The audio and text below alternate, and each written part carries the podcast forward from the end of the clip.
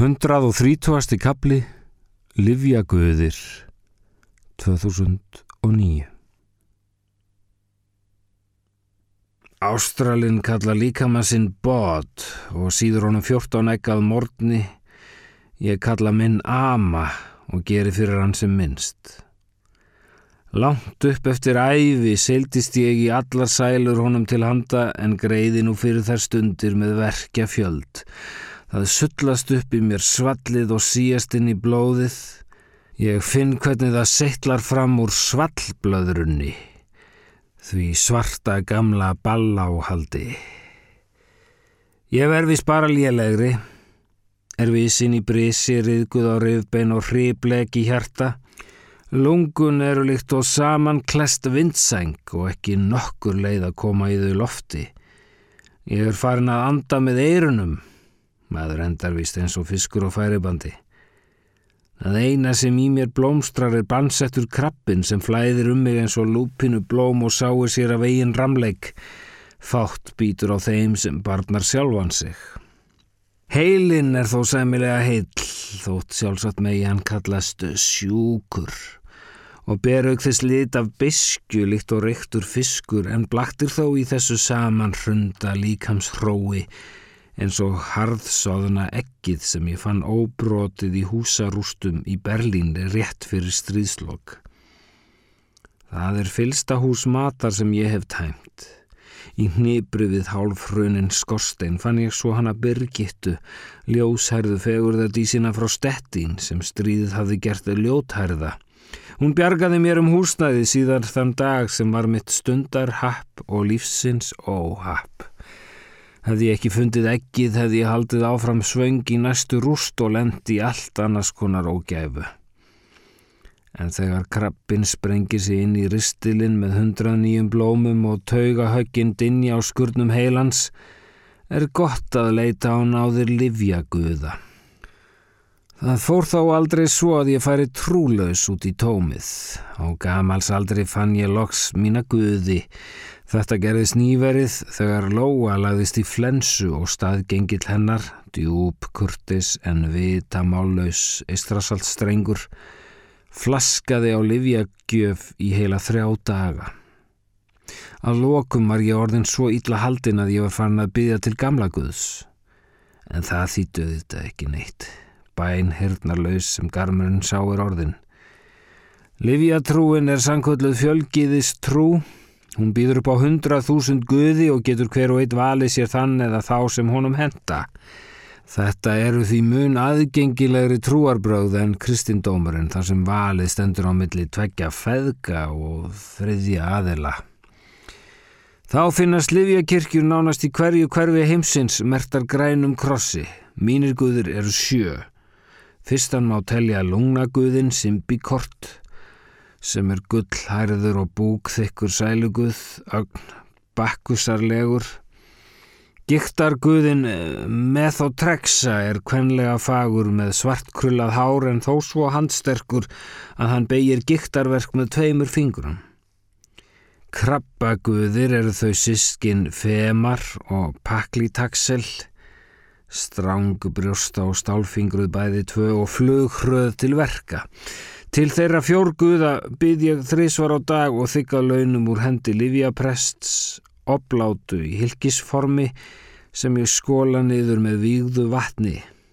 Andartaki síðar byrtast þau á innranetinu og ganga hreint til verks eftir stuttan tíðasöng í höfði mér.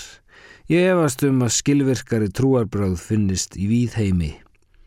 Að auki tigna ég í einrúmi lindiskuðin sóloft og svefguðina stillnokt og halsjón.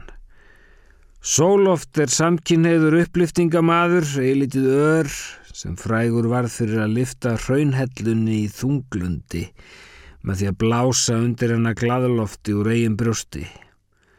Þau síðhærðu fransískinn, stillnokt og halsjón þekki ég frá dögum mínum á skjóli og dáðist löngum að fríðleik þeirra á handstyrk.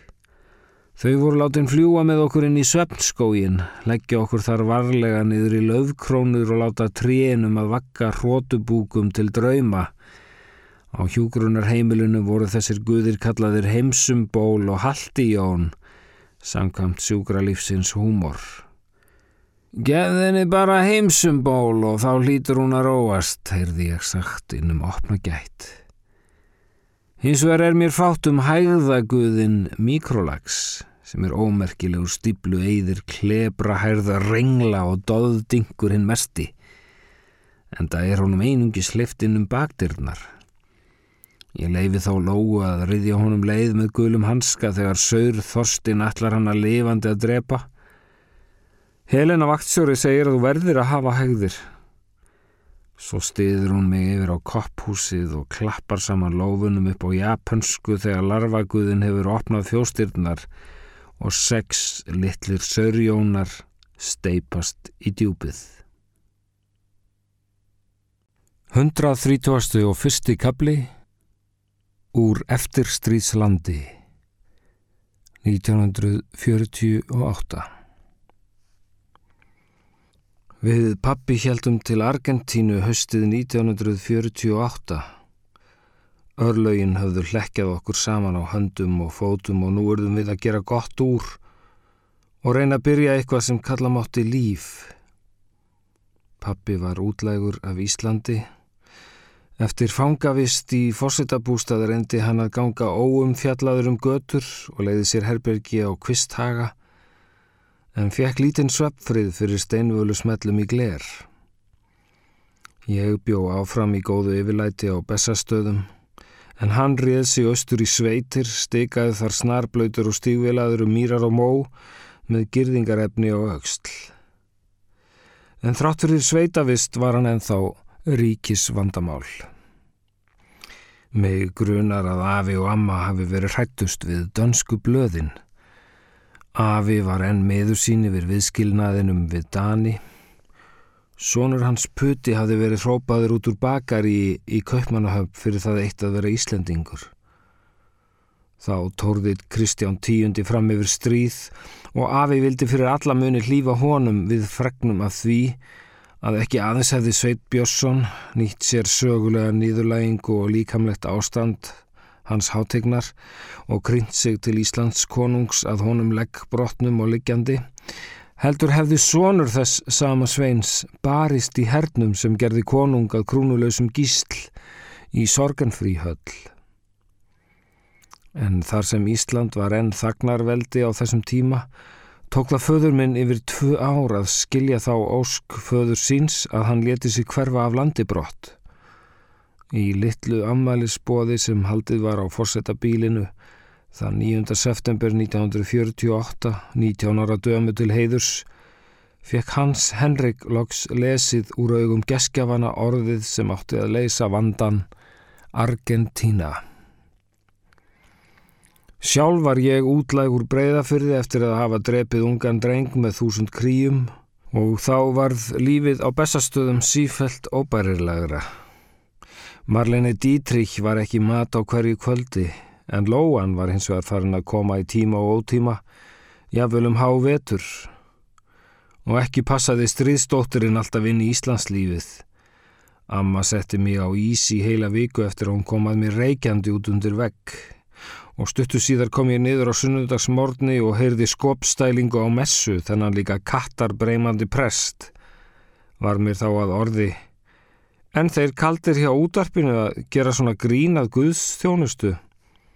Afi og amma litu stórnexluð á mig því þetta var þá alvöru messa sungin í domkirkjunni af stórvinni þeirra sjálfum domkirkjuprestinum Síra Bjarnar.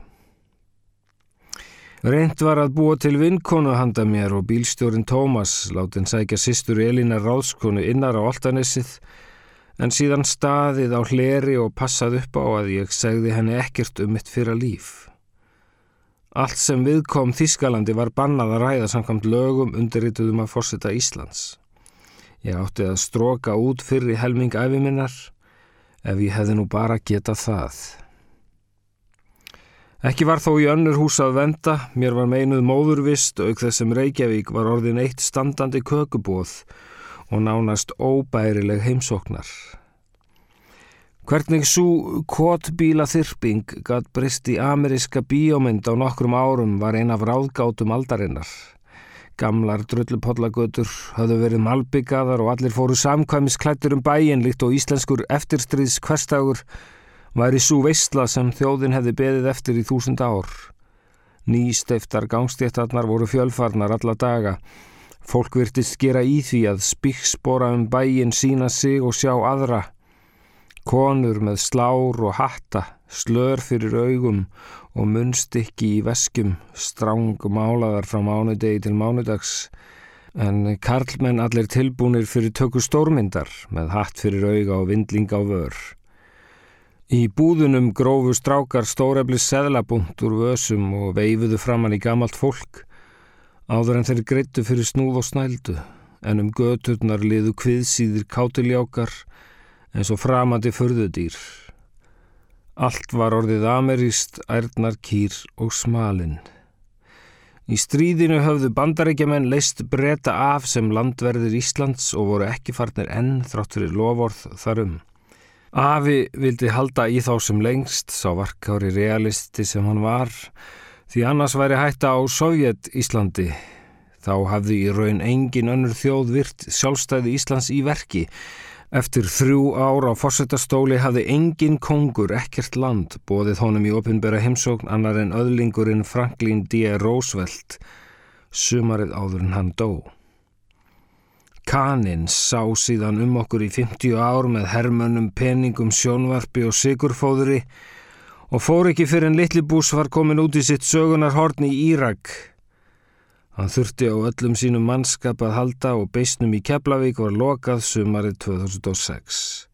Og þá loks voru við Íslendingar alls óviljandi og allmargir vælandi ornir sjálfstæð þjóð, frjáls og herlaus í fyrsta sinn frá því árið 1262. Það var auðvitað meir en við réðum við og tveimur árum síðar var landið komið á hausinn. Haustið 2008 voru við fallin í faðmin á alþjóðabjörgunarsveit heimskapitalismans og Guð veit hver nennir að umga sig yfir okkur að þeirri sjúgravist lokinni. Veturinn eftir stríð hafði ég reynd að sitja með heimakrökkum í mentaskóla. Flest voru þau tveimur árum yngre en ég. Stúlkum sem mátu drengi út frá frímerkjarsöpnum og drengum sem drukku mjölk í samkvæmum. Þær voru mér sem börn en þeir nötruðu ef ég nálgæðist þá og skiptur hæðslu sinni í þrend.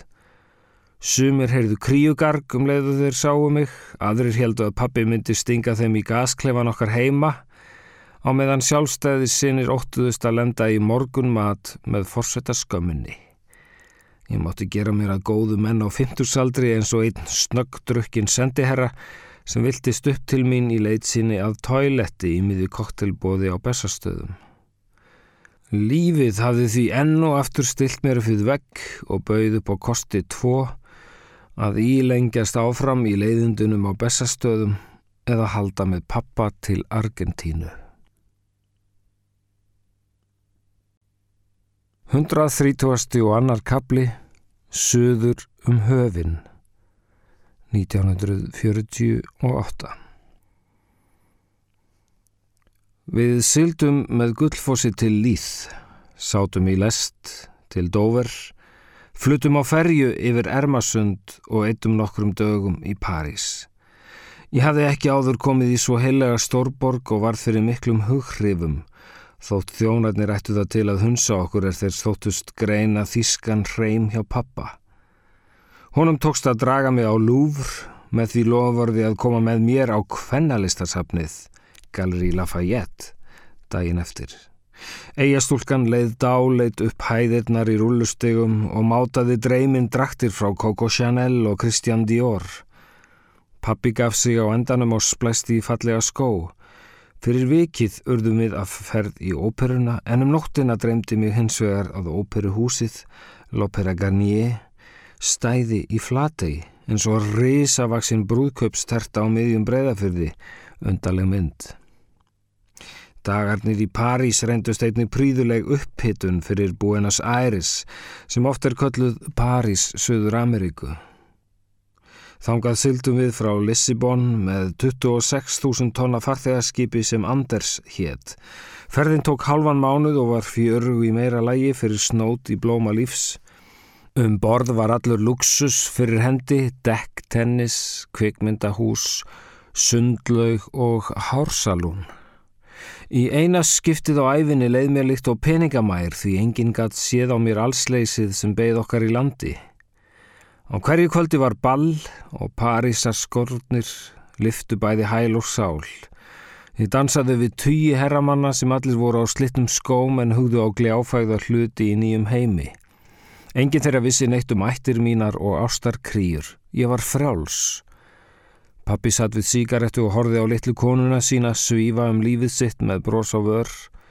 Kanski beigð okkar betri tíð í björtu landi og kannski beigð hans bak við áramótin ein handfríð og frjósum Dolores da Silva. Nei, það varð aldrei. Ég þórið að fullir það að fadir minn nöyt engrar konu þar til hann fann aftur móður mína 17 árum síðar. Hann var maður í álögum.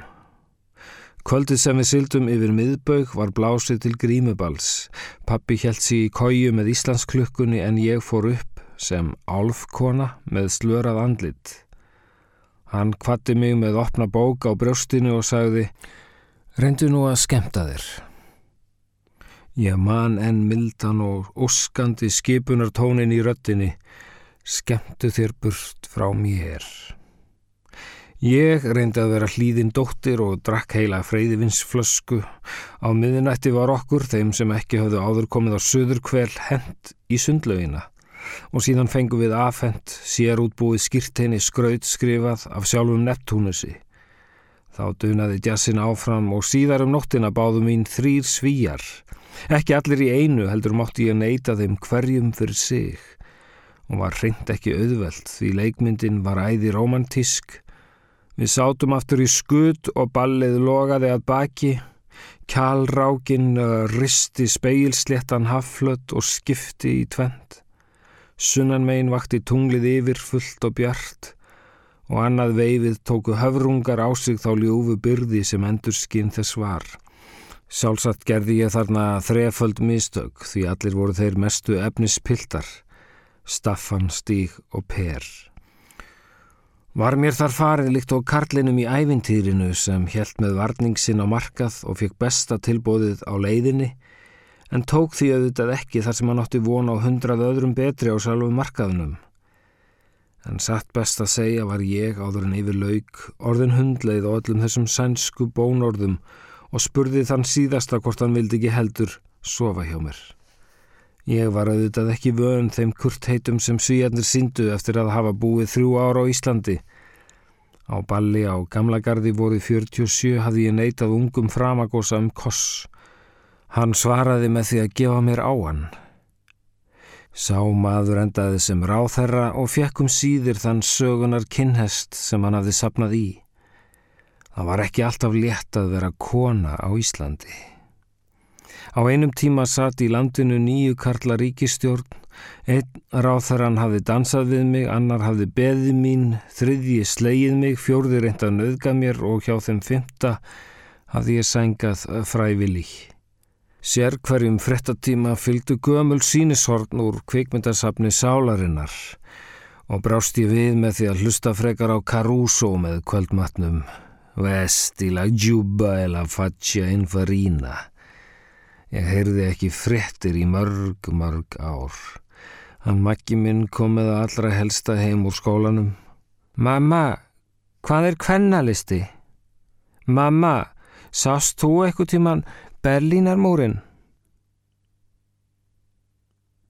130. og þriði kabli Ferskuloft 1948 Skipið snerti land í sólbjartri dögun og að pappirsverkum loknum vorum við laus frá borði. Fjöldans vegna var engin leið að fá bíl eða kerru og við gengum því inn í bæ með aðleiguna í tveimur toskum, feimin og óörg feðgin frá fjarlægu landi. Ég hafði uppgötvað að þessi sögulegi dagur í lífi okkar var þriðju dagur sem á íslensku bóðar þraut og leist ekki á blíkuna. Áhyggjur mínar stóðu þó í skugga nýrar kendar. Við stigum inn í nýjan heim. Hér helsaði okkur önnur heimsálfa.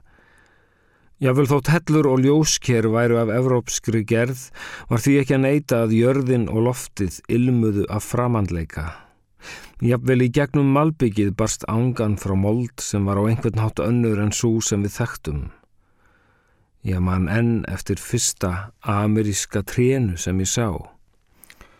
Það brust líkt og barkar þykk og forsöguleg eðla upp úr stjettinni.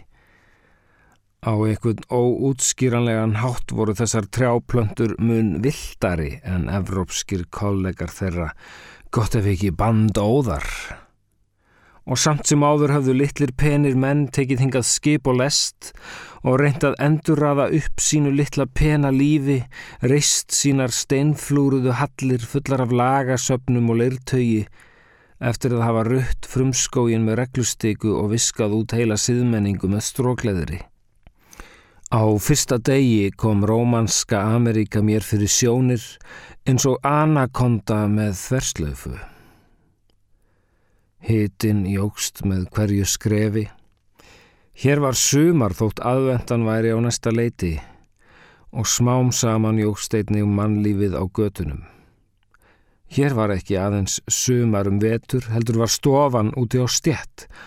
Konur sátu að flusi og karla lásu dagblöð, einn drakk kaffi við borð en annar tróð sér í pípu. Krakkar leku berfættir með bolta og börðu þrýfættan hund en framhjárunnu bifreiðarstrætis og sporvagnar yfir fullir af fólki sem fætt var eða ættað úr öðrum löndum en kallaði sig nú Argentínumenn. Við eina stoppistöðuna byðu tveir hestar og í hlýðargötu mjölkaði maður kú. Í samanburðunum var París prúð og stilt. Búinas Æres var borgarvél á fullum blús. Hér hafði aldrei fallið sprengja úr lofti og fólkið stremdi upp frá höfninni í dag sem endranær, Evrópu þreytt og Evrópu leitt, burt frá stríðum og streði, með draum um næði og jarðnæði í því landi Söður Ameríku sem var næst því að vera Evrópa. Buenos Aires hýsti miljón manns í upphafi aldar en nálgæðist nú þrjár og fjöldanum fylgdi mikið líf. Einhver skáldin orðaði það svo að þeir sem gespuðu á götu í bæris getu lendi í því að gleipa mótorbíl.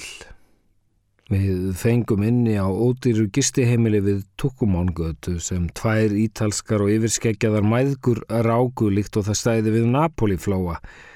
Pensione Vesuvio.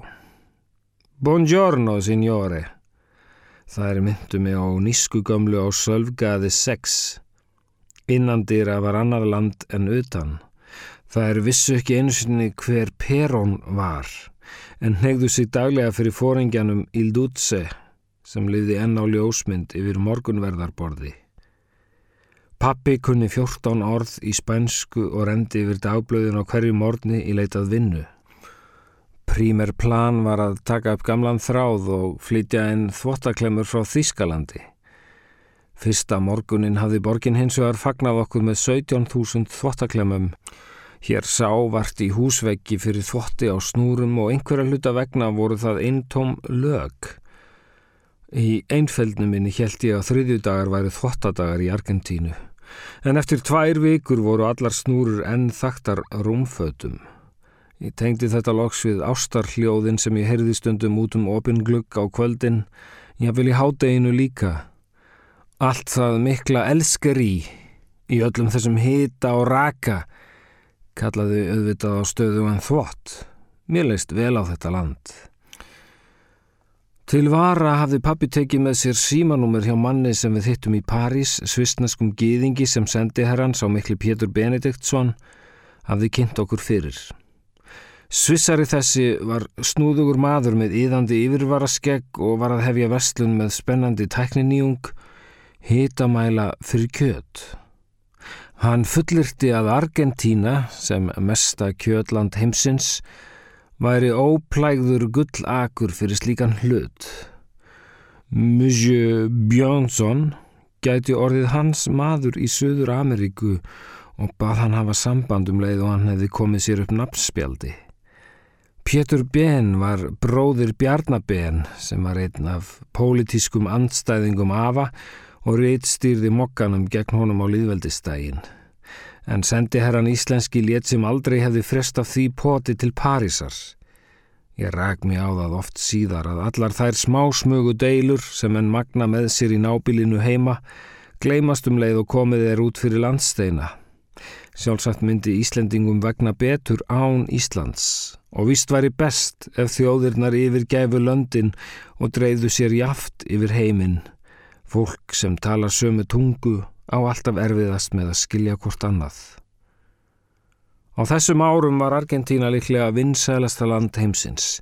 Allir vildu til Silfurlandsins sem þó var eina silfurlausa landið í Suður Ameríku og vegna hins mikla innstreymis var húsnæði ekki auðfengið í ferskuloftum eins og Nobelskaldið okkar nefndi borgina sem upphaflega hétt Santa Maria del Buen Aire. Hér skjáttlaðist Haldóri reyndar í snörun því raun rétt nafn væri Marjubýr. Við Íslendingar höfum hins vegar alltaf trúa því sem betur hljómar fremur en því sem satt er og síst verð ég til að brjóta þá reglu. Að tveimur mánuðum liðunum vorum við því enn á pensjónati Napoli-maðugna.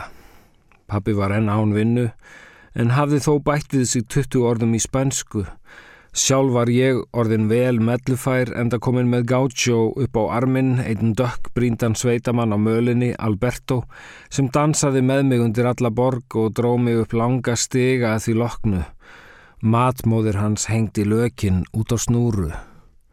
Hann tilherði stoltur hinnum skirtulösu, Los Descamisados, en svo voru stuðningsmenn fórsittans nefndir. Þeir gengdu svitastörfum og hafðu komið perón til valda fjórum árum fyrr með risavöksnum útifundum. Það var eins konar alþýðu bylting því fram að því hafði fína fólki farið með öll völd í landinu með og án aðstóðar hersins.